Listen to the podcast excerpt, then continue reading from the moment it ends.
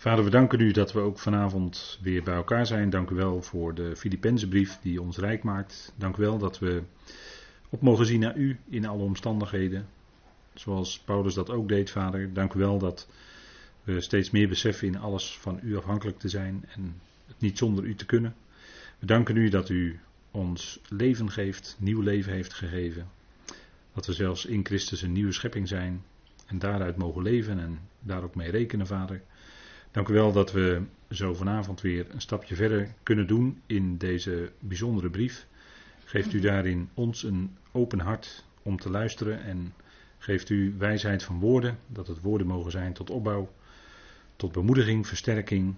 En dank u wel, Vader, dat u telkens weer leidt en dat we op weg zijn naar een geweldige toekomst. Vader, de opstanding ligt voor ons in de nabije toekomst zelfs en ook voor Israël, Vader, is er een groot plan. We danken u dat u ons gaat inzetten te midden van de hemelsen. Dank u wel voor die toekomst die ons wacht. Dank u wel dat we daarna uit mogen zien dat dat ook kracht geeft in ons dagelijks leven. Dank u wel dat u ook zo vanavond woorden, beelden, alles wil geven, Vader. Mag het zijn, inderdaad, tot opbouw, maar vooral en bovenal tot lof en eer en verheerlijking van uw naam. We danken u daarvoor in de naam van uw geliefde Zoon. Amen. Goed, ik wilde graag met u lezen, Filippenzen 3, en dan vanaf het zevende vers. En dan tot en met vers 11. Dus Filippenzen 3, wat nu aan de orde is, vers 7 tot en met vers 11. En daar willen we ook vanavond wat meer naar kijken. Er staat, maar al wat mij winst was, heb ik omwille van Christus verbeurd geacht, maar voorzeker, ik acht ook alles verbeurd te zijn, omwille van het alles overtreffende, van de kennis van Christus Jezus mijn Heer, door wie ik alles verbeurde en het afval acht te zijn, opdat ik Christus zou winnen en in hem gevonden word, niet mijn gerechtigheid hebbend die uit de wet, maar die door het geloof van Christus. De gerechtigheid uit God op grond van het geloof om Hem te kennen en de kracht van Zijn opstanding en de gemeenschap van Zijn lijden, gelijkvormig wordend aan Zijn dood, of ik, hoe ook maar, zou komen tot de uitopstanding uit de doden. Tot zover deze tekst uit de NCV. En als we kijken naar de eerste dia, dan heb ik daarop gezet: Paulus' leven is Christus. Daar kun je het eigenlijk mee samenvatten. Daar zit alles in. Dat was zijn rijkdom, dat is zijn leven. En Christus is ook de titel van de verheerlijkte Heer, hè, gezalfde. Maar is de titel van de verheerlijkte Heer. Hij spreekt vaak over Christus en Christus Jezus. Dat duidt op zijn verheerlijking, verhoging aan de rechterhand van de Vader. Waarin hij rijke en grote beloften heeft gegeven aan de gemeente. We zijn verzegeld met de geest van de belofte, de heilige. En die verzegeling is naar binnen de dag van de vrijkoping. Wij kunnen dat nooit verspelen. En dat is ook uh, goed om dat te beseffen als uh, gemeenteleden, dat wij onze redding en roeping nooit kunnen kwijtraken. Er is niet zoiets als een leer van de afval van heiligen of zo. Want uh, dat is absoluut onmogelijk. Paulus zegt in Efeze 1 namelijk dat wij verzegeld zijn met de geest van de belofte de heiligen. En dan komt hij in hoofdstuk 4, vers 30 erop terug en dan zegt hij: Wij zijn verzegeld naar binnen de dag van de vrijkoping. En die dag van de vrijkoping is de dag van de bazuin. Dan worden wij helemaal vrijgekocht. Dat zullen we dan ook letterlijk aan den lijve ondervinden. Eerst de doden die in Christus gestorven zijn, die zullen opgewekt worden. En dan zullen wij ook veranderd worden. Net als diegenen die gestorven waren. En die dan op, die op dat moment opgewekt worden. Goedenavond. En we zijn uh, wat dat betreft bijzonder gezegend. Want um, het, het, is nog alles zo, en daar hebben we vorige week vrijdag heel even bij stilgestaan, daarom zeg ik dit. Bij de Bijbelstudie in Soest. En daar ging het over de olijfboom in de tweede helft van de avond. En christenen die menen nog alles dat wij geënt zijn op Israël als de olijfboom, de edele olijf, de gecultiveerde olijfboom. Maar dat wij dus, en dat, dat, daaruit trekt men dan een conclusie, dat, dat de gemeente of de christenen hun wortels hebben in Israël. Dat is niet zo. Onze wortels zijn niet in Israël, want dan zou het naar het vlees zijn. Maar onze wortels zijn in Christus, geestelijk, naar de geest. En uh, anders loop je vast in je uitleg van uh, Romeinen 11, waar het daar gaat over die olijfboom, vers 16 tot en met 24. Want daar wordt er over gesproken dat die wilde takken die tegen hun natuur geënt zijn op die edele olijf, dat die eventueel door ongeloof weer uitgebroken kunnen worden. En dat kan niet bij de leden van het lichaam van Christus, want wij zijn verzegeld met de geest van de belofte der heiligen. Dus je loopt, als jij zegt dat, jij, dat, dat daar gaat om individuele gelovigen, die geënt zijn op Israël, loop je in dat vers, vers 23, loop je muurvast en kom je niet verder, want je moet dan leren afval van heiligen. Als jij later ongeloof hebt, dan word je uitgehouden. Dat moet je nou gaan zeggen. Kan niet, want wij zijn verzegeld naar binnen de dag van de vrijkoping. Ga dat maar eens uitleggen. Dat kun je niet uitleggen, want dat spreekt elkaar dan tegen. Het gaat in Romeinen 9 tot en met 11 dan ook niet om individuele mensen, maar om volkeren. Israël en de andere natieën. En in de loop van de jaren benadruk ik dat regelmatig, omdat je anders vastloopt in je uitleg van Romeinen 11. En bij gelegenheid, als je dan daarop doorgaat, kom je in de krampen. Want als jij dan niet genoeg gelooft, dan word jij misschien als tegennatuurlijke tak, word je misschien toch nog uitgehouden uit Israël en dan hoor je er niet bij. Dan hoor je er niet bij, dan val je alsnog uit. Dan word je alsnog eruit gesneden of eruit gehouden, gesnoeid. Nou, dat kan dus helemaal niet. En daarom gaat het ook om het beeld wat Paulus daar gebruikt in Romeinen 11. Het gaat om de functie van lichtdrager. En daar ben ik uh, dan bij die Bijbelstudie in Soest wat dieper op ingegaan. Dus voor de rest verwijs ik u dan naar die studie. Die kunt u gewoon naluisteren. En die komt, uh, als het goed is, binnenkort ook op ebenezer.nl. Maar u kunt hem natuurlijk altijd op uh, Daad en op het beste nieuws terugvinden. Het leven van Paulus is Christus en dat is voor ons ook zo. Alleen is dat niet alleen het begin van ons geloofsleven, dat is natuurlijk zo, hij heeft alles volbracht. Maar gaandeweg zou het ook zo zijn dat in de praktijk, in de praktijk, dat hij ons leven is. En dat is meer en meer. En dat is een groeiproces. we zitten in gelovig, als gelovigen in een groeiproces. Nou, Paulus zat er ook in, daar lezen we over. En hij zegt, door wie, of om wie ik alles verbeurde. Dat woord verbeurden hebben we vorige keer al bij stilgestaan. dat is, uh, je verspeelt alles. Het is een, uh, je kunt vergelijken met een faillissement. Hè. Je, alles, uh, alles wordt je afgenomen. En dat was ook zo. Paulus al, al waar hij zich op kon beroemen. Uit de stam Benjamin. Een Israëliet. fanatieke fariseer. En noem alles maar op. Dat was allemaal voor hem. Dat achtte hij allemaal als verbeurd. In het licht van Christus. Christus kwam in de plaats van al dat andere. Christus vulde zijn leven. En dat is, dat is voor ons natuurlijk een geweldig voorbeeld. Hè, dat wij ons, hè, zolang we nog op iets beroemen vanuit het vlees of vanuit het verleden, of hoe we zijn opgegroeid, of onze opvoeding, of wat we, zolang we daar nog iets van, of dat we iets van onszelf menen mee te kunnen, of in rekening te kunnen brengen, dan is nog niet Christus ons leven ten volle dan erkennen we dat nog niet. Het is wel zo, maar dan erkennen wij dat nog niet in de praktijk. En dan hebben we nog niet alles zoals Paulus verbeurd geacht. We, eh, dat, dat, plaatje is. Uh, eerst hadden we misschien een zak vol met allemaal uh, geld of met allemaal opvoeding. En dat had Paulus ook. Hè? Die, had, die had enorme rijkdom vanuit het Jodendom. Maar dat acht hij allemaal als verbeurd. En dan kom je met lege handen. De lege handen. We komen met lege handen bij hem. En hij gaat dan onze handen vullen. En dan wordt het geweldig. Dan verdrijft die leegte uit je leven en dan komt Hij daarvoor in de plaats. Hij vult dan heel, heel, ons leven. Dat is de bedoeling. Wij staan zelf met lege handen en wij leggen onze handen dan in Zijn handen. En dat herinner ik me, dat is een mooi lied van een christenzanger uit, nou dat dat is al van, van 35 jaar geleden, denk ik. En dat heet ook, dat is van John Pentry. Misschien kunt u dat vinden op YouTube. John Pentry, Empty Handed. Prachtig lied, waarin hij spreekt over deze dingen. En waarin hij ook zegt: Ik kwam met lege handen, want ik had van mezelf helemaal niets meer. En de Heer ging ze vullen. Ja, dat is geweldig. Hè? Dat is ook wat we, uh, wat we hebben ervaren in ons leven. Dat, uh, ja, dat, dat er alleen maar echt iets ging worden en dat er alleen maar echte vulling in je leven kwam, in je hart. Die leegte werd pas echt verdreven in je hart toen de Christus met zijn leven je hart ging vullen. En daar gaat het allemaal om.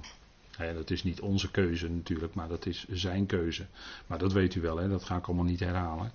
Zijn keuze, dat is eh, bepalend natuurlijk. Hè? Wij kiezen niet, hij kiest. We menen wel soms dat wij gekozen hebben, maar daar helpt de Heer ons wel vanaf hoor. Daar helpt de Heer ons wel vanaf. Dat zei iemand laatst ook nog tegen mij. Eerst dacht ik dat ik zelf gekozen had, zei diegene tegen mij. Maar later kwam ik erachter dat God al lang voor mij gekozen had. En dat de Heer al lang voor mij gekozen had. Ja, ik zeg ja, zo is het ook. Daar kom je allemaal op, een gegeven moment achter. Hè. Weer iets van uh, eigen iets wat uit, uh, uit de weg gaat. En dat moet. Uh, ja, dat is soms hoog tijd hè, dat, het, dat het afval. U, u, ziet het hè, hier, afval. Paulus zegt, ja, deze plaatjes zijn misschien wel erg duidelijk, maar um, kijk, Paulus gebruikt hier het woord scubalon. En dat betekent afval en het wordt in, in vertaling ook bij gelegenheid met drek vertaald. En allebei kan, het is allebei uh, afval wat, uh, um, hoe moet ik dat nou zeggen, afgescheiden gaat worden, of afgescheiden wordt en dan uh, verdwijnt en helemaal weg. Afval, dat is nou afval. Deze plaatjes, ik denk nou deze plaatjes zijn erg duidelijk dan weet u wat het Nieuw-testamentische woord betekent. Dat heeft zowel te maken met het een als met het ander, om het zo maar te zeggen. en dat is afval. Dus als er nog dingen zijn in ons leven waarvan wij menen dat wij nog ons op zouden kunnen beroemen, dan wordt het hoog tijd dat we de zaak daar op die grote hoop gooien en, eh, door, en eventueel, eh, als u dat andere beeld wil gebruiken, doortrekken. Weg. Weg, afval en als je dat beseft, maar dat is ook als we gaan beseffen wie we zelf zijn, in onszelf zijn. in het licht van God, in het licht van het kruis, in het licht van het evangelie. Dan ga je beseffen dat je zelf helemaal niets bent. dat je van jezelf helemaal niets in te brengen hebt. Dat jij misschien wel meent dat je het allemaal zo goed kan vertellen. Zo goed dit en zo goed dit en, en zo goed dat. En, maar er komt natuurlijk een keer een moment in je leven dat de Heer je gaat aanprikken. En dat hij gaat duidelijk maken, joh, niet jij, maar vanaf nu ga ik het doen in jouw leven. en dat ik, ja, dat weten we, dat is mede gekruisigd. Hè? Dat is onze nieuwe identiteit, maar daar komen we nog op. En Paulus die achtte dat allemaal als afval. Hij liet het allemaal achter zich. En eh, er was heel wat wat hij zich aan, naar de buitenkant toe op kon beroemen. Daar komen we later ook nog op terug vanavond, met het begrip gerechtigheid. Daar kon hij zich aan de buitenkant op beroemen. Maar hoe was het van binnen? Bij de, hoe was het bij hem van binnen? Dat was heel anders. En daar, daar moest juist Christus zijn nieuwe leven inbrengen. En dat gebeurde op weg naar Damascus. En dat is wat ook zijn, ja, mooi woord, passie. Want dat is echt bijna het Griekse woord. Dat is zijn passie, Christus, in het dagelijks leven. Dat is uh, een grote plus. Hè, opdat ik Christus zou winnen. En dan zegt u ja, maar we hebben in Christus toch al alle zegeningen ontvangen. Wat valt er dan nog te winnen? Nou, in de praktijk, hè, in ons dagelijks leven. Dat, dat Christus in ons dagelijks leven een steeds grotere plaats in gaat nemen in ons denken, in ons zijn, in hoe we bezig zijn. En steeds meer, dat we steeds meer gaan beseffen, ja, ik ga afzien van mezelf, ik ga opzien naar de Heer, want de Heer moet het doen. En, en, en in heel veel levens gebeurt er dat mensen gewoon in hun geestelijk leven op een gegeven moment toch een beetje vastlopen, omdat ze nog steeds iets uit zichzelf. En ik hoef het verder niet aan te vullen. Hè? Nog steeds iets uit zichzelf, dat zichzelf, hè. En, en dat is wat, wat we hebben gezien ook in Filippenzen 2. Hè? Dat die, die ootmoedige gezindheid van Christus, hè, dat twee keer zichzelf, twee keer zichzelf, hebben we uitdrukkelijk bij stilgestaan. En dat was natuurlijk niet voor niks. Hè, want dat zichzelf, dat uh, zegt hij in vers 7, 2 vers 7. Niettemin, hè, hij was aan God gelijk, hè, daar hebben we bij stilgestaan, wat dat betekent, in de vorm van God. Niettemin maakt hij zichzelf leeg. Dat is zijn ootmoedige gezindheid. Dat is zijn afdalen naar een lagere positie. En hij neemt de vorm van een slaaf aan. En ook, als we even verder kijken, in vers 8, als hij mens is geworden, dan staat er, verootmoedigt hij zichzelf. dus ook als mens was hij zonder zonde. En niettemin, in dat mens zijn, verootmoedigt hij zichzelf. dus heb je weer dat zelf. En dat zichzelf, dat gaat omlaag. En dat is de gezindheid die ons wordt voorgehouden. Die ootmoedige gezindheid. Dat wij ook daarin zouden wandelen. En dan, uh, ja, dan is het zo dat je uh, steeds meer gaat leren om niet jezelf te laten gelden of jouw mening of jouw zin door te drijven of wat dan ook. In, in, in, als het gaat om uh, in gemeenteverband of in het dagelijks leven. Nee, maar dan heb je een houding van ootmoedigheid en wil je uh, vrede, hè, verzoening, vrede staat dan voorop. En dan dan waar je vroeger misschien heftig uithaalde met woorden, doe je dat nu niet meer. Waarom niet? Omdat, omdat je van binnen ook milder bent geworden, ruimer bent geworden. Je wil verzoening, je wil vrede met die ander. Dat is belangrijk, hè? En dan kunnen gesprekken dan toch goed blijven lopen, terwijl je vroeger misschien als een, uh, hoe noem je dat, bok op de havenkist of een ander dier, haantje de voorste. Hè? Jouw, uh, jouw haan wilde graag koning kraaien enzovoort. U kent dat soort uitdrukkingen allemaal wel. Maar als die ootmoedigheid, als die ootmoedige gezindheid gaat werken in je, dan wil je niet meer. Nee, dan laat je het over aan de Heer. Hè? Laat je het over aan God, hoe God het uitwerkt. En dan zie je dat de dingen soms toch heel anders lopen dan gedacht. En misschien wel anders dan jij had gewild, maar dat is dan de weg die God gaat. Hè? Dat is de weg die God gaat. En dat is moeilijk voor ons om te accepteren. De weg die God gaat met Degene die je lief zijn, je kinderen, je kleinkinderen, ik noem het maar weer eens een keer. Maar dat is soms moeilijk. En dan kun je alleen maar bidden. Kun je alleen maar bidden en van God verwachten. En dat, dat is ook onze beste plek, denk ik. Hè? Het alleen van God verwachten. In het dagelijks leven, dit is allemaal opdat ik Christus zou winnen. Hè? In het dagelijks leven dat Hij centraal staat. In ons denken, in ons handelen, in ons doen. En dat we dat leven van Christus dan ook uitleven. En dat kunnen we zelf niet, dat doet Hij met Zijn kracht in en door ons heen.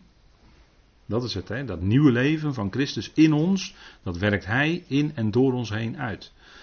Zodat mensen als uh, Paulus ontmoeten, dan ontmoeten ze eigenlijk het aangezicht van Christus, zou je kunnen zeggen. Ontmoeten ze eigenlijk de Heer in Paulus. En niet meer die uh, fanatieke, vurige fariseeën die uh, dreigingen moord blies tegen de gemeenteleden van God. Maar dan was het die uh, ootmoedige, liefdevolle apostel met een hart vol genade, met een ruim hart, die de anderen zo tegemoet trad. En zichzelf niet liet gelden en niet de dingen bij de Corinthiërs ging regelen zoals hij dat wilde, maar ze wel door brieven wel aan de boom schudden, om het zo maar te zeggen. Maar niet daar kwam met zijn persoonlijke presentie, want dat zou te ernstig zijn. Hè? Zo hield hij zich een beetje terug. En dan Kijk, voorbeelden is bijvoorbeeld wat we hier op de dia zien staan, Efeze 6, vers 7, dat is voor onze praktijk, met welwillendheid. Hè, en in dat woord welwillendheid, daar, daar zit iets in. Hè. Dat is ook wat uh, zegt in Filippenzen 4. Dat is in feite dezelfde lijn. Filippenzen 4, daar zijn we de vorige keer ook bij geweest. Filippenzen 4. En dat is vers 5, dan ga ik nu even naar vers 5 deze keer. Daar staat: Laat jullie inschikkelijkheid bij alle mensen bekend worden. De Heer is nabij. Inschikkelijkheid, dat, is, uh, dat, dat ligt dicht aan tegen dat begrip welwillendheid, hè, wat hier staat. Met welwillendheid, uh, slaven, slaven hè, als slaaf dienen. Ja, dat, dan zegt u, ja, dat klinkt zo slaafs. Nou ja, goed, het is als slaaf dienen. Dus dat wil zeggen, waar de Heer jou zet, daar, daar dienen. En uh, nou, dat is dan je plek. En uh, dienen degene die boven je gesteld zijn enzovoort. U, u weet het allemaal wel. En daar gaat Efeze 6 over. Met welwillendheid, slaven, als voor de Heer. Hè, alsof je het voor de Heer doet. En in feite is het ook zo. Je doet het eigenlijk ook voor, voor de Heer in de zin van. Hij is je Heer en je staat in zijn dienst op de plek waar je gesteld bent. Hoe, hoe dat dan ook maar is en waar dat dan ook maar is, dat maakt niet zoveel uit. Maar gewoon in het dagelijks leven. En niet voor mensen. Je doet het niet voor de ogen van mensen. Je gaat niet een, eh, een, paar stapjes harder lopen als je baas in de buurt is. En als je baas niet in de buurt is, loop je een paar stapjes zachter. Dat, zo doe je dat dan niet. met welwillendheid slaven als voor de Heer en niet voor mensen. En Colossense 3 zegt in feite hetzelfde, maar met iets andere bewoordingen. Al wat jullie maar doen, dus dat is gewoon dagelijks praktijk, wat je doet in het dagelijks leven, werkt vanuit jullie ziel, dus je bent met je hele ziel en hart bij betrokken, als voor de Heer, opnieuw hè, als voor de Heer en niet voor mensen. dus we kijken niet naar de ogen van mensen daarin, maar we kijken naar de ogen van de Heer. We zijn altijd eigenlijk in zijn dienst. En dat is een toename in je dagelijks leven. En daarin, als je aan het begin van je geloofsleven staat, dan sta je nog maar aan het begin. soms wordt er gedacht van, nou dan ben ik er al. Nee, dat is nog maar het begin. Dat is de startlijn. Mensen denken dan als ze tot geloof gekomen zijn dat, dan, dat ze dan de finish bereikt hebben. Nee, dat is juist pas de start. Dan sta je aan het begin van die loopbaan. En dan ga je gaandeweg lopen. En steeds meer ga je dan wandelen en lopen op een manier zoals hij dat wil en bedoelt in je leven. En daar, dus als je aan het begin staat, dan valt daarin nog heel wat te winnen. Wat hij, dat hij daarin toeneemt in jouw leven. Dat, dat bedoelt Paulus hier, hè? want Filippenzen 3 gaat het om de praktijk van ons dagelijks leven. He, inschikkelijkheid, en, en daar hoort bij, dagelijks leven, laat jullie inschikkelijkheid bij alle mensen bekend worden. De Heer is nabij. Als mensen, en het kan best zijn, je komt allerlei mensen tegen, dan kom je natuurlijk ook een vijandschap tegen van mensen. Als ze gaan ontdekken wat jij gelooft, of dat jij in God gelooft, of dat jij in Jezus gelooft, dat roept, alleen de naam Jezus noemen al, roept vaak al vijandschap op bij mensen. Maar in dat alles zouden beseffen, de Heer is nabij. En we zeggen ook wel eens, en we draaien het om, hè, de Heer is er bijna. Ja, dat is ook zo. Die bazuin die gaat echt wel binnenkort klinken. Maar de Heer is nabij, nu in ons dagelijks leven. Hij is nabij. En dat is het geweldige besef wat wij hebben. Hij is nabij. In de situatie waarin we zijn. In het lijden en de verdrukkingen bedoel ik dan, die wij ondergaan. En die ondergaan wij allemaal op een of andere manier. Of het nou geestelijk is, ziel in de ziel en lichamelijk, of alle drie, dat kan ook. Maar in die situatie is hij nabij. Hij is niet ver weg. Hij is betrokken bij ons leven. Hij weet wat er in ons omgaat. Hij heeft zelf dat ondergaan als mens. Dat lijden. Die druk, die geestelijke druk en verdrukking. Geestelijke lijden. dat is het meest intense. Nou, dat heeft hij allemaal meegemaakt. En zo kan hij meevoelen met onze zwakheden. Staat in Hebreeën. Toch een bijzondere brief, Hebreeënbrief. We hebben laatst bij stilgestaan. Bijzonder hoor. En dat is het eerste punt eigenlijk. Paulus noemt hier eigenlijk zeven punten. We hebben ook zeven punten gezien van zijn verleden, die hij dan dus als afval beschouwde. En dat ging, eh, nou, dat, plaatje heeft u gezien, dat is duidelijk genoeg. Opdat ik Christus zou winnen, dat is het eerste punt, hè, opdat ik Christus zou winnen. Het licht was aangegaan, ook in zijn hart. En dat ging steeds meer schijnen en daardoor werd zijn hart ook ruimer naar die anderen toe. En daarom zei hij ook tegen de Corinthiërs in 2 Korinthe 6: Jullie hart moet ruimer worden.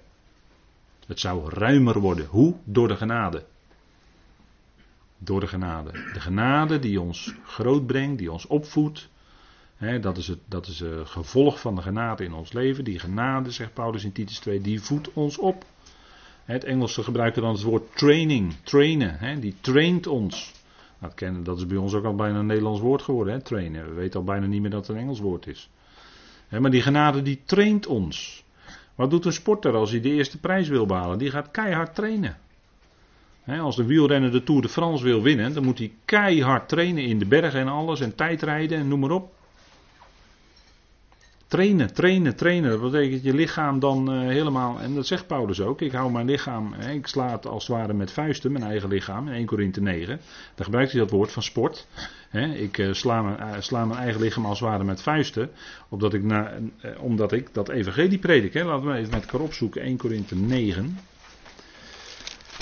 En dan zitten we dus in die opvoedende genade van de Heer. Die ons dan inzet uh, misschien naast al die bezigheden in het dagelijks leven dan ook nog in dienstwerk in de gemeente. Ja, dat ook nog, kan er ook nog bij komen. Dan heb je een dubbele baan. Dat kan, daar kan ik wel over meepraten, dubbele baan. Maar dat is wat, hè, dat is wat. En dan heb je daarbij wel discipline nodig. Hè, want dan is daar steeds weer dat moment van voorbereiden en steeds weer bezig ermee zijn. En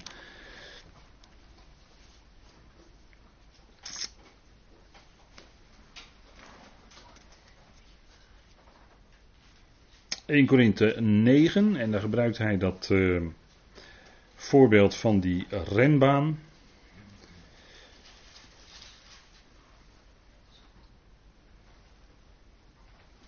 En dan hebben we al een eerdere keer gelezen over dat hij voor allen alles is geworden.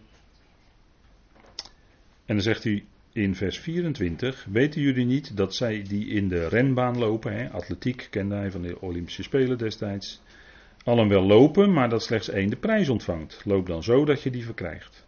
En iedereen die aan een wedstrijd deelneemt, beheerst zich in alles. Zij nu om een vergankelijke krans te ontvangen, maar wij om een onvergankelijke. Ik loop daarom niet zonder duidelijk doel en ik vecht zo met de vuist dat ik niet maar wat in de lucht sla. Maar ik oefen mijn lichaam op harde wijze en maak het dienstbaar, opdat ik niet misschien na anderen gepredikt hebben, zelf verwerpelijk word. Bij wijze van spreken, hè, verwerpelijk wordt.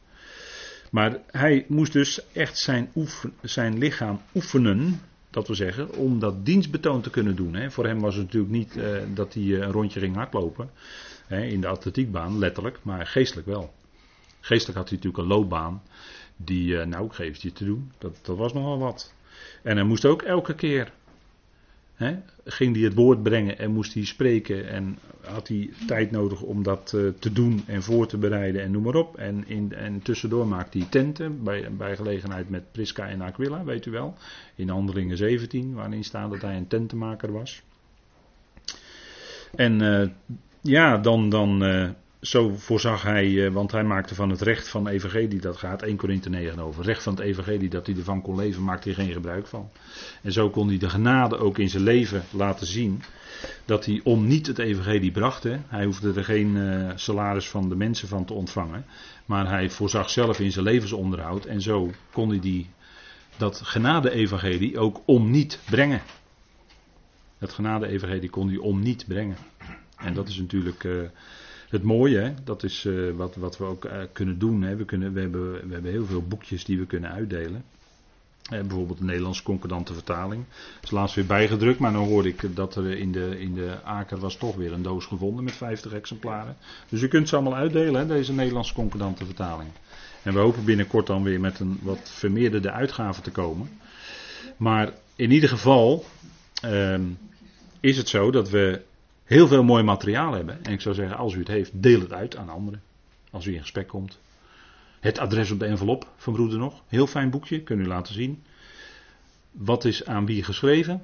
En daar moet je op letten, adres op de envelop, want dat is belangrijk. Je kan niet een brief lezen die voor je buurman of buurvrouw bestemd is. Nee, dat gaat niet, want dan krijg je verkeerde informatie. Daarom lezen wij niet de bijvoorbeeld de brief van Jacobus voor onszelf. Nee, die is gericht aan de twaalf stammen in de verstrooiing. En we kunnen daar onze winst mee doen. We kunnen daar lering uittrekken. Maar Jacobus schrijft aan de twaalf stammen in de verstrooiing. Nou, horen u en ik bij die twaalf stammen? Nee, nou, dat is niet aan ons geadresseerd. Wij zijn voor de natie. Alleen de brieven van Paulus is voor nu. Heel mooi boekje, adres op de envelop. Ik zou zeggen, nou, er zijn er genoeg. Ligt op boekentafel, neem ze mee, geef ze door, want daar zijn ze voor. Dat rijmt ook nog, zeg. Maar opdat ik Christus zou winnen, hè, want we hebben natuurlijk een geweldige boodschap. En wat denkt u ervan? Dat, dat je dan, als je Gods woord zo kan lezen, met, met, dat we mogen weten over de Ionen, we mogen weten over uh, uh, wat is aan wie gericht, hè? Hoe, hoe je de Bijbel moet lezen. Dan ben, je, dan ben je rijk. En waar kom je dan uit? Dan kom je bij de waarheid. Dat is geen arrogantie dat wij dat zeggen. Nee, Gods woord is de waarheid. En die geeft ons zelf informatie hoe je Gods woord zou lezen. Dat zegt Gods woord zelf. Dat is de waarheid die we verkondigen. En dat is niet van onszelf. Want de waarheid, dat weet u, dat is Gods woord. Dat staat boven ons. Wij bepalen niet wat waar is. Nee, Gods woord, dat is de waarheid. En dat geven wij door. Dat mogen wij doorgeven, ook aan anderen. En de tijd is nog maar kort, als u het mij vraagt. Hè? Dus u kunt die boekjes heerlijk doorgeven aan anderen. Het spoorboekje, dan weet u wel wat ik bedoel. Nou, daar zijn er nog genoeg van in de aker hoor. Dus u kunt ze doorgeven. Kan allemaal gratis, is allemaal al betaald door giften van u. U kunt het gewoon doorgeven, gratis om niet. Dat is ook het evangelie. Is het echt gratis? Ja, een beetje gratis bestaat niet. Het is gratis of niet? Nou, dat is het. Het is genade. De rechtvaardiging is om niet. In zijn genade. Dat heeft hij bewerkt. Dus we hoeven daar zelf niks voor te doen. Moeilijkste voor de mens, hè, dat jij niks kan doen, maar dat hij alles gedaan heeft. Moeilijk voor ons om te aanvaarden. Maar dat is Christus, hè, opdat ik Christus zou winnen. Dus daar valt voor ons ook nog wel wat dan te winnen in die zin. En in hem gevonden wordt. Kijk, Paulus maakt duidelijk wat onze identiteit is. de filosoof zegt: zoek jezelf. En dat zeggen ze ook bij gelegenheid in de in filosofische kringen. Laat ik, me, ik hou me in. In filosofische kringen zeggen ze: zoek jezelf. En voor ons is het nee, wij hebben Christus leren kennen. En wij hoeven niet onszelf te zoeken, want wij weten wat onze identiteit is. Onze identiteit is Christus. Hij leeft in ons. En zijn leven in ons uit. En dat is onze identiteit. Dus daar hoef je niet naar op zoek, heb je al gevonden. Dank de Heer ervoor op je blote knieën. Want dan, dan ben je klaar, dan ben je, je hebt het antwoord. Je hebt het antwoord op alle vragen. je hebt het licht zichtbaar in en door Paulus. Als mensen Paulus ontmoeten, dan, dan zagen ze daarin hoe hij deed en wie hij was, zagen ze daarin hoe Christus is. Hij was een leesbare brief van Christus. En uh, dat is ook wat, wat uh, Paulus laat zien, bijvoorbeeld in 2 Thessalonicense 1 vers 10. Laten we even met elkaar opzoeken. 2 Thessalonicense 1 vers 10. Onze identiteit is Christus. dat zegt Paulus, hebben we met elkaar behandeld destijds luid en duidelijk in Galaten 2 vers 20. Het is niet meer ik, want oh, oh, oh, dat ik, dat kan soms zo in de weg staan. Och, och, och. En gelovigen met een groot ik, die kunnen ook andere gelovigen in de weg staan. Dat gebeurt ook helaas, helaas. Maar je identiteit is Christus. En dan is het niet meer ik. Ego, niet meer dat ego. Maar dan is het Christus. Niet meer ik, maar Christus. En daar gaat het om.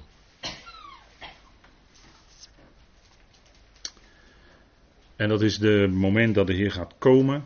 2 Thessalonians 1 vers 10. Wanneer Hij zal gekomen zijn om die dag verheerlijkt te worden. Wanneer Hij zal gekomen zijn om op die dag verheerlijkt te worden in zijn heiligen en bewonderd te worden in allen die geloven. Want dan zal in allen die geloven dat leven van Christus nog veel sterker doorkomen. Ook in letterlijke uitstraling van licht. op het moment dat de bazuin klinkt, dan zullen wij gaan stralen, dan zullen wij veranderd worden. Wij zullen worden, en er is verschil in heerlijkheid, zoals zegt Paulus in 1 Corinthië 15, het gaat over dat heerlijkheidslichaam. De ene ster die straalt nog feller licht dan de andere. Nou, zo zal het ook zijn in de opstanding van de doden, zegt hij, als het gaat om het lichaam van Christus. Dan zullen wij ook letterlijk licht gaan uitstralen, zoals Christus dat uitstraalt. Dat is het punt, hè. Dat is dat verheerlijkt worden, want heerlijkheid heeft, zoals u weet, ook alles te maken met licht. Christus is de afstraling van Gods heerlijkheid. Zoals de zon, de zonnestralen, de heerlijkheid van de zon laten zien, zo laat Christus de heerlijkheid van God zien. Dat vind ik een mooie vergelijking. want hij is de zon van de gerechtigheid, zegt Malachi. Dat de zon van de gerechtigheid opgaat. Staat in Malachi 4, meen ik. Maar die zon van de gerechtigheid, dat is Christus. En die zal opgaan. En zo zullen ook Israël zal zien wie zij doorstoken hebben. Op die dag. Dat, dat, uh, dat hij zichtbaar gaat komen. We hebben het nu even over in 2 Thessalonicense 1 gaat het onder meer over de bazuin. Dan, dan is het geen zichtbare komst voor de wereld. Maar als hij zichtbaar gaat komen. Dan zullen die twaalf stammen van het land hem zien. En dan zullen ze op hun borst slaan. Ze zullen weeklagen. Zegt Zacharia 12. Want ze zullen hem zien die zij doorstoken hebben. En ze zullen zien dat is onze Yahweh. Die hebben wij doorstoken. Dat is wat er staat. En dat zullen ze dan zien. Want ze zullen dat enorme licht en heerlijkheid van hem zien. Hè? In zijn parousia voor Israël. Zijn aanwezigheid voor Israël. Dan zal hij zijn voeten zetten op de olijfberg. Dan zal hij uittrekken als Yahweh zeven oot. En zal de vijanden verslaan waardoor ze omringd zijn. Nou, dat, dat gaat alleen maar toenemen, hè, die vijandschap van de omringende volkeren. Ja, als je dat een beetje volgt, dan uh, is dat luid duidelijk hoor. En 2 Korinthe 3, daar refereer ik net al even aan. 2 Korinthe 3.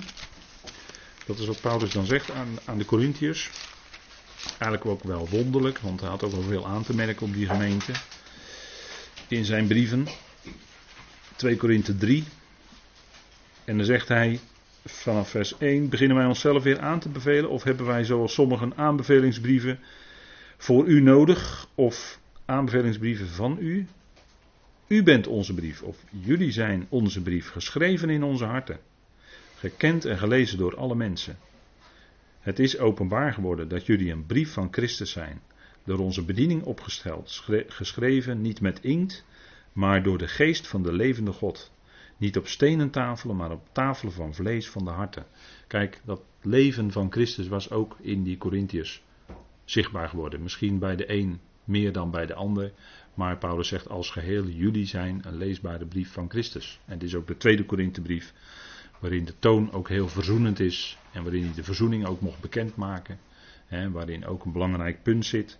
Dat hij eh, Christus ook niet langer, dat is 2 Korinthe 5, dat hij Christus niet langer naar het vlees wilde kennen, omdat het in Christus een nieuwe schepping is. En is alles in de geest en naar de geest. Hè. Dan eh, gaat het vleeselijke op de achtergrond. En dat zou ook de bedoeling zijn. De werking van het kruis en de opstanding van Christus bij de Corinthiërs.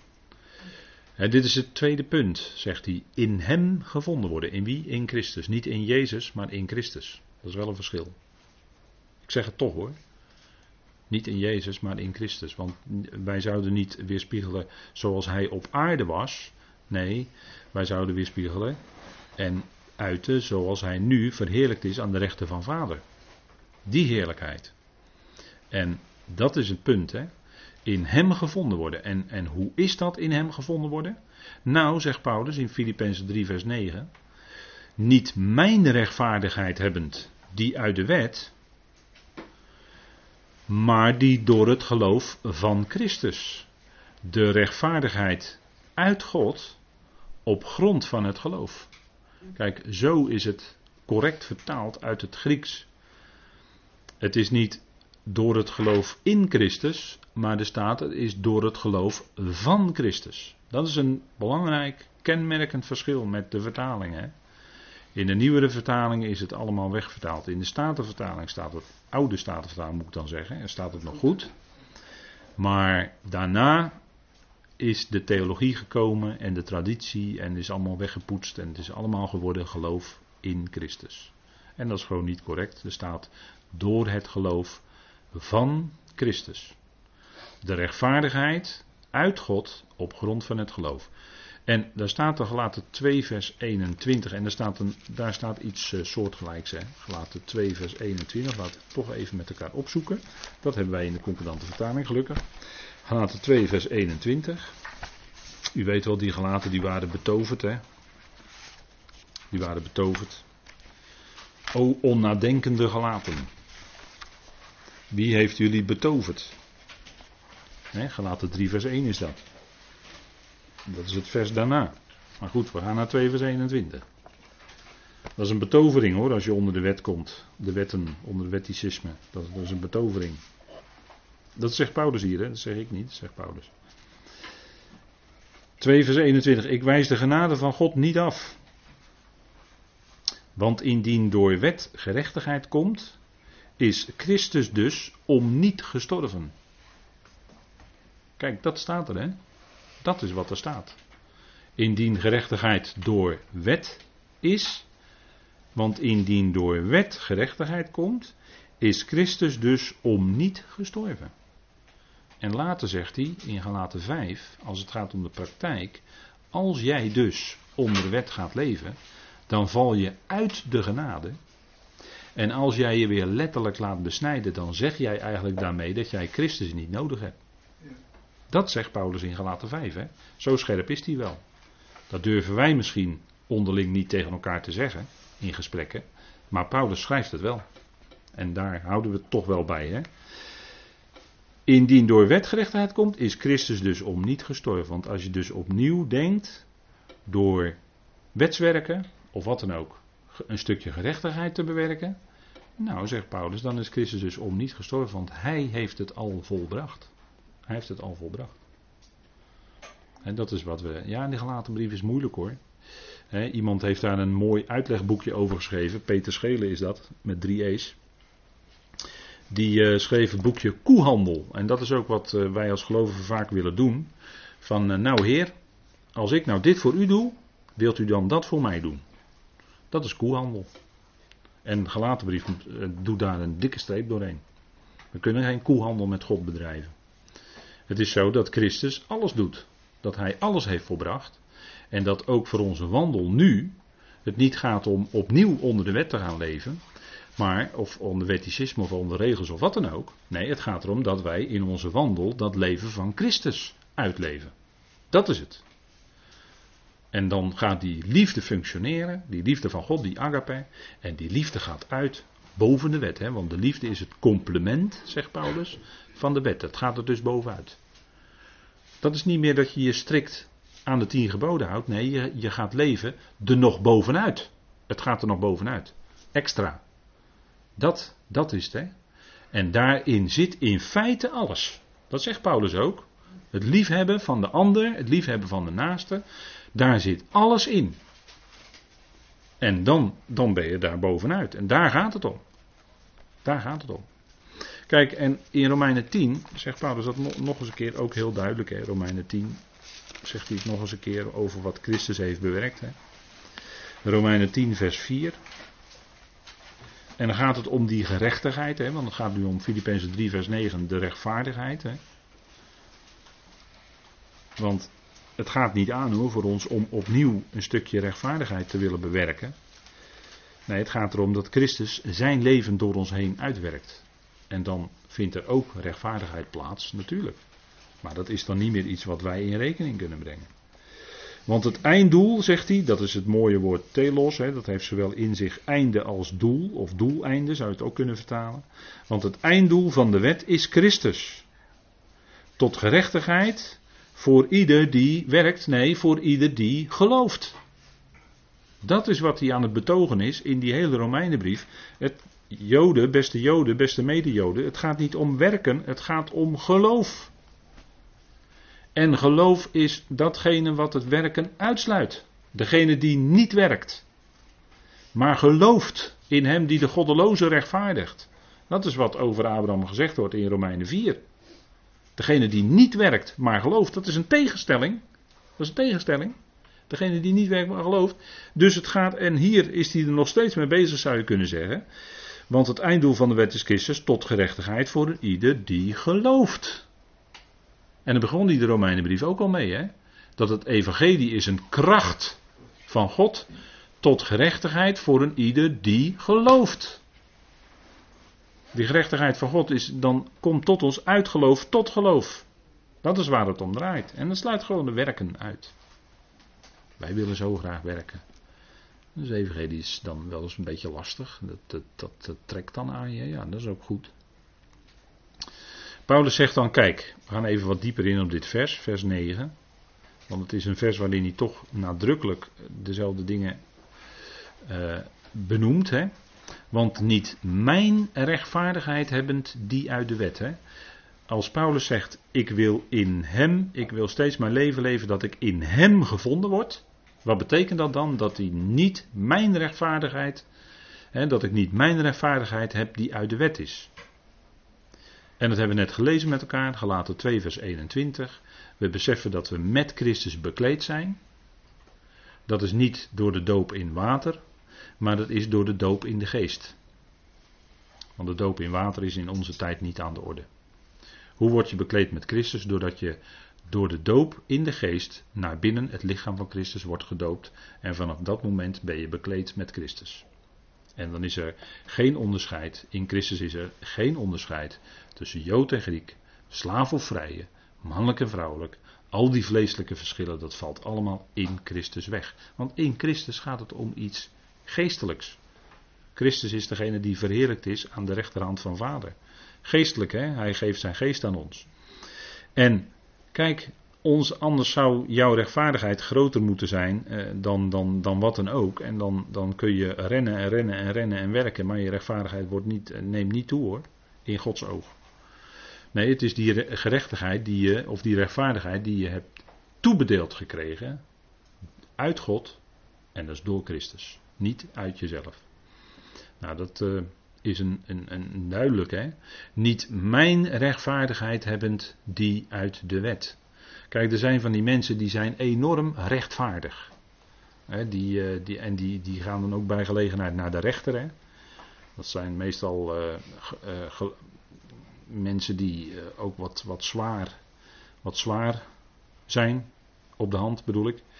En die, dat zijn degenen die strijden dan voor rechtvaardigheid. En als hun dan onrecht aangedaan is, dan gaan ze naar de rechter. En dan, eh, want er moet recht gedaan worden. en dat is, dat is ook heel moeilijk hoor. Een gang naar de rechter. dat kan soms heel lang duren en dan heb je misschien nog niet je recht gehad. Maar het zijn mensen die zijn enorm rechtvaardig en die vinden het ook heel onrechtvaardig wat de Heer zei in die gelijkenis. Weet u wel, die arbeiders in de wijngaard, heb ik ook afgelopen vrijdagavond even genoemd die arbeiders in de wijngaard van Matthäus 20. er waren er, waren die gingen s ochtends, op, uh, om 7 uur aan het werk. En er werd een bepaald loon mee afgesproken. En er waren er ook die gingen smiddags om 4 uur aan het werk. En de dag was tot 5 uur. En die kregen voor dat uur hetzelfde loon. En dat vinden wij onrechtvaardig. Wij zouden te hoop lopen hoor. Vakbond erbij en de ondernemingsraad en weet ik wat allemaal natuurlijk. als een bok op de havenkist gelijk natuurlijk. Nee, dat kan niet hoor. Moet je kijken, ik heb de hele dag gewerkt in de felle zon. En die andere die om vier uur begint, die, eh, die krijgt hetzelfde loon. Hartstikke onrechtvaardig. We zouden als, vooral als Nederlanders zouden we op onze achterste benen staan. Maar ja, die heer van die Wegaard, die deed dat zo. En daarin zie je dat Gods gerechtigheid of Gods rechtvaardigheid is nog wel eens wat anders dan zijn we dus weer bij God. En God is zo anders dan wij mensen. Maar we halen zo snel God naar beneden, naar ons menselijke niveau. En gaan dan aan God, aan God vragen stellen. Alsof God een mens is. Ja, dat kan je niet doen. Is Paulus ook verderop mee bezig in de Romeinenbrief. Jacob heb ik lief en Esau haat ik. Esau stel ik op de tweede plaats. Jacob heb ik lief. En de mindere, of de meerdere, zal de mindere dienen. Ja, dat doet God. Zo doet God dat, ja. Nee, dat is onrechtvaardig. Want uh, eigenlijk moest Esau het eerst geboorterecht hebben. Maar had het dan te maken met, met wat zij gedaan hadden? Nee, want van tevoren, voordat ze geboren werden, werd er tegen Rebecca gezegd: nee, eh, de, de, die meerdere zal de mindere dienen. En toen hadden ze nog niks goeds of kwaads gedaan. Zegt Paulus er allemaal bij hè, in Romeinen 9. Dat stukje kent u wel. En dan komt bij ons al op: ja, maar dat is onrechtvaardig. Dat God het van tevoren zegt. En dat God zegt, uh, ja, uh, Jacob heb ik lief en Esau stel ik op de tweede plaats. Hè, want, het, want het woord betekent eigenlijk op de tweede plaats stellen. Het is niet het haten wat wij onderling mensen doen, maar het is op de tweede plaats stellen eigenlijk. Hè. En dat vinden wij dan onrechtvaardig, dat God het zo doet. Ja, maar wacht even, het is God. Hé, hey, even nadenken. Hè. Het is geen mens, het is God. Dat is heel wat anders. Jij bent een schepsel met een beperkt, heel klein beperkt hersenpannetje. Heel klein. Een paar hersentjes hier en daar. He, kunnen een klein beetje nadenken soms. Maar God heeft ons geschapen. Die hele mensheid. Met al die hersenen, met bloed, met alles wat een menselijk lichaam is. En waar we nog geen benul van hebben waar het, eh, hoe dat allemaal precies werkt en hoe het precies in elkaar zit. Ondanks alle knappe technische koppen en uh, wat we allemaal al kunnen in, in de, de medische wetenschap. we kunnen mensen tegenwoordig langer in leven houden, worden allemaal 80, 90. Ja, ja, het gaat steeds harder kraken dan die wagen natuurlijk, naarmate hij ouder wordt.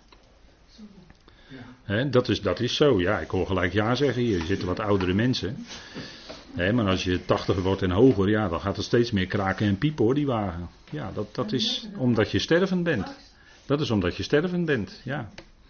Maar, en ik zeg niet dat het makkelijk is, daar gaat het helemaal niet om. Maar de beperking van ons mensen, wij zijn maar zo beperkt. Wij zijn maar, maar zo weinig. Maar God, als het nou gaat over God, dan kunnen wij niet zeggen, eh, maar dat is onrechtvaardig van God, dat kunnen we helemaal niet zeggen. Dan zegt Paulus toch, wie ben jij nou mens? Wie ben jij nou? Ja, en dan staan we weer met onze beide voetjes op de grond. Hè? We denken soms dat we heel wat zijn, maar we zijn eigenlijk, stelt allemaal niet zoveel voor. Hè? Maar ons is genade bewezen, dat is het geweldige en daar zijn we mee bezig. En daar willen we ook graag mee doorgaan. Met die genade natuurlijk, hè, want dat is het waar het om draait. Die door het geloof van Christus, hè, die rechtvaardigheid, die hebben we niet uit werken, op welke manier dan ook, uit welke religie wij de religie is trouwens een Latijns, komt eigenlijk van het Latijns woord, dat heeft te maken met binden. Het woord religie. Heeft te maken met binding. In religie word je gebonden. En dat leidt dan ook tot angsten. dat is religie. En veel mensen zitten vast in religie. En uh, de, de, de liberale kranten die melden natuurlijk juichend hè, dat uh, Nederland voor het eerst nu merendeels niet religieus blijkt te zijn. Heeft u dat bericht opgevangen misschien in de pers? Ja, ik las het toevallig van de week. En dat wordt dan in liberale krant natuurlijk juichend, uh, hè, à la D66 wordt er, oh dat mag ik niet zeggen. Wordt dat, wordt dat natuurlijk benoemd, hè? dat de religie verdwijnt eigenlijk uit Nederland. Ja, dat is zo. En dat is niks nieuws, dat is, niks, dat is, dat is helemaal niet verbazingwekkend. Want de, ik meen dat de geest had gezegd dat in de latere dagen er nogal wat zouden afvallen van het geloof. Dat heb ik geloof ik wel ergens gelezen. En als je dat dan terugleest in de krant, dan zeg je ja, dat had ik al gelezen in de Bijbel. Dat het zo zal zijn. Dus dat verbaast me helemaal niet. En anderen andere die zeggen dan weer: ja, nee, er gaat nog een opwekking komen hoor in Nederland. Er gaat nog een opwekking komen. Ja, dat hoorde ik in, in de jaren zeventig ook al. Sorry dat ik het zo zeg, maar toen werd het ook al zo geroepen. Ja, er gaat een opwekking komen, daar moeten we allemaal hard aan werken, moeten we ook veel geld voor geven en dit en dat. Hè. Maar we zijn nu 40 jaar verder en het is nog niet gekomen en het komt ook niet. Want ik lees het niet in mijn Bijbel. Je leest het niet bij Paulus. Bij Paulus lees je dat er heel wat zullen zijn die zullen afstand nemen van het geloof. Dat lezen we. En ik kan het niet mooier maken dan dat het is. En dat is niet dat ik daar blij mee ben, maar je constateert het, het is zo. Het is verdrietig, maar het is wel zo. En we gaan er natuurlijk naartoe dat die hele wereld, hè, openbaring 13, die gaat natuurlijk straks, als wij weg zijn, die gaat die draak aanbidden. Daar gaat het naartoe. Daar moet het ook naartoe gaan. En daar wordt alle religie wordt op ingezet. Die wordt daar, daar naartoe gedraaid. Ik wil niet zeggen manipuleren, dat woord wil ik niet gebruiken. Maar die wordt daar naartoe gedraaid. die, die, al die religies. Totdat we komen tot die religie van de eindtijd. Is de aanbidding van de draak. Het, beest van, het beeld van het beest en het beest aanbidden. Dat wordt straks verplicht opgelegd. Hoezo niet meer religieus? De ieder mens is religieus. Ieder mens heeft in zich iets van dat, dat hè, omdat God de schepper is, natuurlijk. Maar dat wordt dan ingevuld met religie. En de draak wil maar al te graag natuurlijk de plek innemen van Jezus Christus. Daar ging het hem natuurlijk om. Leest u maar na in Matthäus 4. Leest u maar na in Lucas 4. Hè, de beproeving in de woestijn. En de Heer antwoordde met er staat geschreven. Dat zouden wij ook doen. Hè. Dat is onze kracht, dat woord. Hè, dat, daar gaat het om. Niet mijn rechtvaardigheid hebben die uit de wet. Nou, dat moet voor ons al ontzettend klip en klaar zijn, hè, wat Paulus hier zegt. Maar die door het geloof van Christus, hè, dat door het geloof. Door is wil zeggen, God werkt door Christus. Christus is het kanaal. God is altijd de bron. En Christus is het kanaal waardoor alle zegeningen naar de mensheid, naar de schepping toekomen. En dat is, blijkt ook hier, hè. Maar die door het geloof van Christus. En dat is gewoon een heel eenvoudige tweede naamval in het Grieks. Het geloof van Christus. Hoeven we helemaal niet moeilijk voor te doen, moet je gewoon zo vertalen, dan ben je gelijk klaar. Christus is het kanaal waardoor de rechtvaardigheid stroomt. Hij is een voleinding, het doeleinde van de wet, hebben we al met elkaar gelezen. Tot rechtvaardigheid voor een ieder die verdienst heeft? Nee, ieder die gelooft. En dat wordt je tot rechtvaardigheid gerekend. En dan is het ook nog de geest die dat geloof in jou werkt. Want dat kun je niet uit jezelf. toen je zei van nou op een gegeven moment pakte God mij toch in mijn kippennekkie. Ja, dat was God inderdaad die dat deed. Dat was God die dat deed. Die gaf zijn geest en zo toen kon je geloven. Het moment dat je het woord hoorde en dat je in je hart daarop ja zei, ja dat geloof ik, dat is fijn, dat is heerlijk dat hij dat voor mij heeft gedaan. Dat moment dat jij in je hart dat zei en dat het van binnenuit allemaal bij je ging veranderen. Dat moment, dat is door de geest gewerkt. Het was niet jouw keuze, maar dat was Gods geest in jou die dat bewerkte, die dat deed. En daarna ging je leven veranderen en ging je van binnenuit anders willen. zo, eh, zo werkt God dat uit. Door het geloof van Christus, dat is het punt. En dat is de rechtvaardigheid, en dat vind ik heel mooi dat het, uh, ja, ik vind dat echt heel mooi dat het er zo staat hoor. De rechtvaardigheid uit God. God is namelijk de bron van alles. Alles komt bij Hem vandaan. Hè? Alles is uit Hem. Alles is door hem en alles is ook tot hem. Dat is geweldig. Hè? Dat zijn geweldige woorden. En wat is het eenvoudig? Een eenvoudig zinnetje in Gods woord met eenvoudige woorden. En daarin zit zo'n enorme diepte. En er staat dan zoveel in één zo'n zinnetje. Hè? Alles is uit hem en door hem en tot hem. Hè? Dat is alleen maar God die bij macht is het zo eenvoudig te zeggen. In zo'n eenvoudige zin. Maar er zit alles in. De rechtvaardigheid is dan ook uit God, hè, want God is rechtvaardig. God is rechtvaardig. En wat betekent dat? Dat betekent dat hij een ieder het juiste toedeelt. En dat hij ook een mens kan rechtvaardigen. Ik noemde net al heel even in, in het spreken, noemde ik net al heel even, dat rechtvaardigen is door het geloof en niet door onze werken. Hij rechtvaardigt de goddelozen. En hoe doet God dat? Want als je nou de vraag zou stellen, waarom stierf Jezus Christus? Wat zegt u dan? Waarom stierf hij? Voor de zonde van de wereld, ja. Niet voor de schuld, maar voor de zonde van de wereld. Ja. wij zingen dat, dat het lam, geprezen zij het lam, dat de, en ik zing dan altijd de zonde van de wereld op zich nam. Dan, dat staat in de schrift en dat andere staat er gewoon niet. Hij nam de zonde, ja, daarom stierf hij. Ja. Maar wat nog meer? Waarom stierf de Heer? Waarom stierf hij?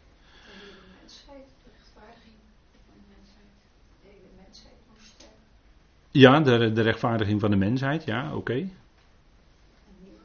Ja. ja. Weet u nog verder? De Heer stierf om de dood te kunnen overwinnen, ja. Ja, oké. Ja. Ja, wie weet er nog meer? Misschien antwoord? God welgevallig te zijn. Voor God welgevallig te zijn, ja. Om de wet te vervullen. De wet te vervullen, ja. De, de Torah te vervullen, ja, ook. Ja. Ik zal u helpen. Romeinen 3. Dat, is allemaal, dat zijn allemaal antwoorden die, die allemaal zo terug te vinden zijn. Dus allemaal ja, ja, ja. Maar waar we nu mee bezig zijn, die rechtvaardigheid. Hè? Kijk, Romeinen 3. Tot onze rechtvaardiging, ja. Hij stierf tot onze rechtvaardiging.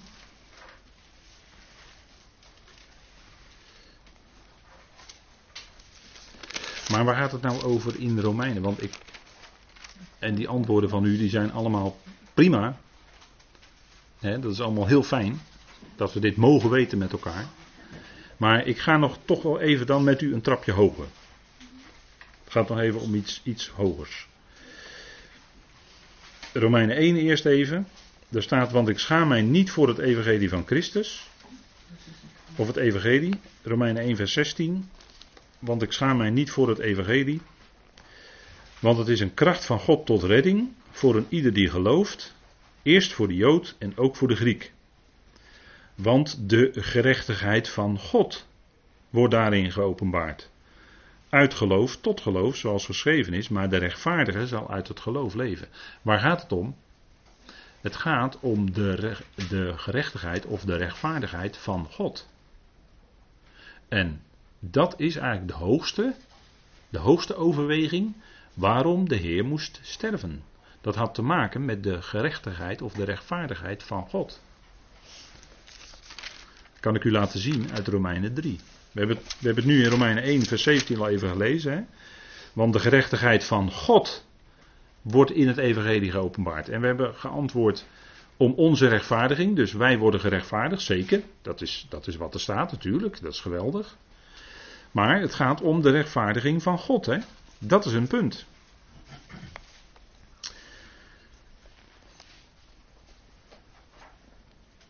En dan begin ik met u te lezen in 3 vers 21, want nu is zonder de wet, Romeinen 3 vers 21, maar nu is, let op die woorden, hè, zonder de wet, gerechtigheid van God geopenbaard, waarvan door de wet en de profeten is getuigd, gerechtigheid van God door het geloof van Jezus Christus naar binnen allen en op allen die geloven. Want er is geen onderscheid, want allen zondigden en missen de heerlijkheid van God en worden om niet gerechtvaardigd in zijn genade door de vrijkoping in Christus Jezus. Hem heeft God openlijk aangewezen als Middel tot verzoening, eigenlijk staat er dan als hilasterion, dus dat is een middel tot bescherming eigenlijk. Door het geloof in zijn bloed, en dan komt het, om zijn gerechtigheid te tonen. Dus wat moest er gebeuren? Gods gerechtigheid moest getoond worden. En die werd getoond doordat hij stierf. Zijn bloed wordt hier genoemd. Hè? Want als ga ik zo meteen iets over zeggen waarom dat is. Van, want, en de tekst zegt het in feite, hè, vanwege het voorbij laten gaan van de zonden die eertijds hadden plaatsgevonden onder de verdraagzaamheid van God. Er werd bloed gesprenkeld in, op de ark, op de deksel, op, de, op, het, uh, op de deksel van bescherming. En daarmee waren de zonden bedekt, of eigenlijk moet ik zeggen, beter nog, beschermd. Het woord bedekt wordt eigenlijk niet gebruikt. In uw vertaling wel, maar het is eigenlijk beschermen. Zo werden de mensen beschermd tegen het getuigenis van de Torah dat die mens niet deugt. Dat die mens een doelmisser is. En die zonden, die, die verdroeg God, daar was vergeving voor. Maar die zonden, zegt Paulus hier, die werden niet weggedaan. Het was niet definitief, want het moest steeds herhaald worden. De offers moesten steeds herhaald worden. Het bloed moest elk jaar opnieuw gesprenkeld worden in de tabernakel en in de tempel. Dus er was steeds een herhaling, zegt de Hebreeënbrief ook. Hè? Daarmee aantonen dat het niet een definitieve wegdoening was van de zonden. Maar tijdelijk werd het bedekt, beschermd. Maar het was nog niet weg. En dat is wat Paulus hier zegt. Gods gerechtigheid moest getoond worden. Want daar moest toch iets gebeuren met die zonde en die zonden. Daar moest iets definitiefs mee gebeuren. En dat was nog steeds niet gebeurd. Het bloed van stieren en bukkel kon dat niet. Dat zegt de Hebreeënbrief ook luid en duidelijk. En daarmee zou nog steeds de gerechtigheid of de rechtvaardigheid van God in twijfel getrokken kunnen worden, omdat het zich steeds herhaalde en dus de zonden niet weg waren. Maar Gods gerechtigheid of rechtvaardigheid vroeg daarom dat het, dat het weggedaan moest worden. Er moest iets mee gebeuren. Dat zat er allemaal nog steeds. En voor zover die offers dat het voldoende was, dat bloed, kon alleen maar voor God dan op dat moment even voldoende zijn, omdat het verwees naar het bloed van Christus. En daarom moest er ook een vlekkeloos lam geslacht worden. Als omdat het dat een geweldig type is, een volkomen type is van de Christus, die zonder zonde was, van wie, van wie geen been werd gebroken, en die stierf. En hij werd tot zonde gemaakt. En dat was het definitieve dan komt het definitief en daar heeft die gerechtigheid of die rechtvaardigheid van God ook alles mee te maken. Dus hij is gestorven. hem heeft God openlijk aangewezen als verzoendeksel, hilasterion, door geloof in zijn bloed. De punt, hè, bloed. Om zijn gerechtigheid te bewijzen, te tonen, Gods gerechtigheid. Vanwege het voorbij laten gaan van die zonden die eertijds hadden plaatsgevonden onder de verdraagzaamheid van God. Was nog, die waren nog niet weg. En omdat God volkomen rechtvaardig is, zou dat weggedaan moeten worden. Dat, was, dat ging dan over de zonden van het verleden. En dan komt in vers 26 het heden. Om zijn rechtvaardigheid te bewijzen, te tonen in deze tijd. En dan zegt Paulus nog een keer, zodat hij zelf, God zelf, rechtvaardig is en rechtvaardigt degene die uit het geloof van Jezus is. Kijk, nu is volkomen die rechtvaardigheid van God aan de orde gekomen en blijkt God rechtvaardig te zijn, ook als Hij zondaren, u en ik dus, rechtvaardigt. En het punt is, Hij Soms wordt er vertaald, en dat, dat, is, dat is even een verfijning. Soms wordt er vertaald rechtvaardig maken, maar wij kunnen niet rechtvaardig gemaakt worden. Dat kan niet. We zijn zondaren, we zijn doelmissers. Wat wel kan, is dat wij gerechtvaardigd worden, en dat is ook wat er staat. En als je dat ietsje duidelijker wil hebben, is dat dat wij rechtvaardig verklaard worden door God. Hij verklaart ons rechtvaardig op grond van wat zijn zoon deed. Dus wij zijn rechtvaardig in Gods ogen en we kunnen als gerechtvaardig aangemerkt worden, hoewel wij doelmissers zijn. Want als je, God, God kan niet, hè, in, in een, eh, als je het even vergelijkt met een rechtszaal, een eh, rechter kan een misdadiger niet rechtvaardig maken. Hij kan wel op grond van bepaalde omstandigheden een misdadiger vrijspreken. Maar die misdadiger blijft degene die die misdaad of misdaden heeft begaan. Ja? Nou, even als vergelijking. Hè. God verklaart iemand die gelooft rechtvaardigd, rechtvaardig. Ook al is dat een doelmisser. Maar dat kan hij doen omdat voor al die doelmissers zijn eigen zoon op Golgotha stierf. Voor al die doelmissers. Ik zeg niet in plaats van. Dat is nog, dat is even een verfijning. Maar het is voor of ten behoeve van ons, dat hele menselijke geslacht, al die doelmissers. Voor of ten behoeve van is Jezus Christus aan het kruis gestorven. Voor al die zonden, voor al die zonden. En op grond daarvan kan God degene die gelooft rechtvaardig verklaren of rechtvaardigen. Ja, dat is een, uh, wat, wat moeilijk, hè? Dat is een beetje zware kost zo op de avond, uh, laat op de avond. Maar goed, laten we dan maar even gaan pauzeren. Kunt u dat even verwerken?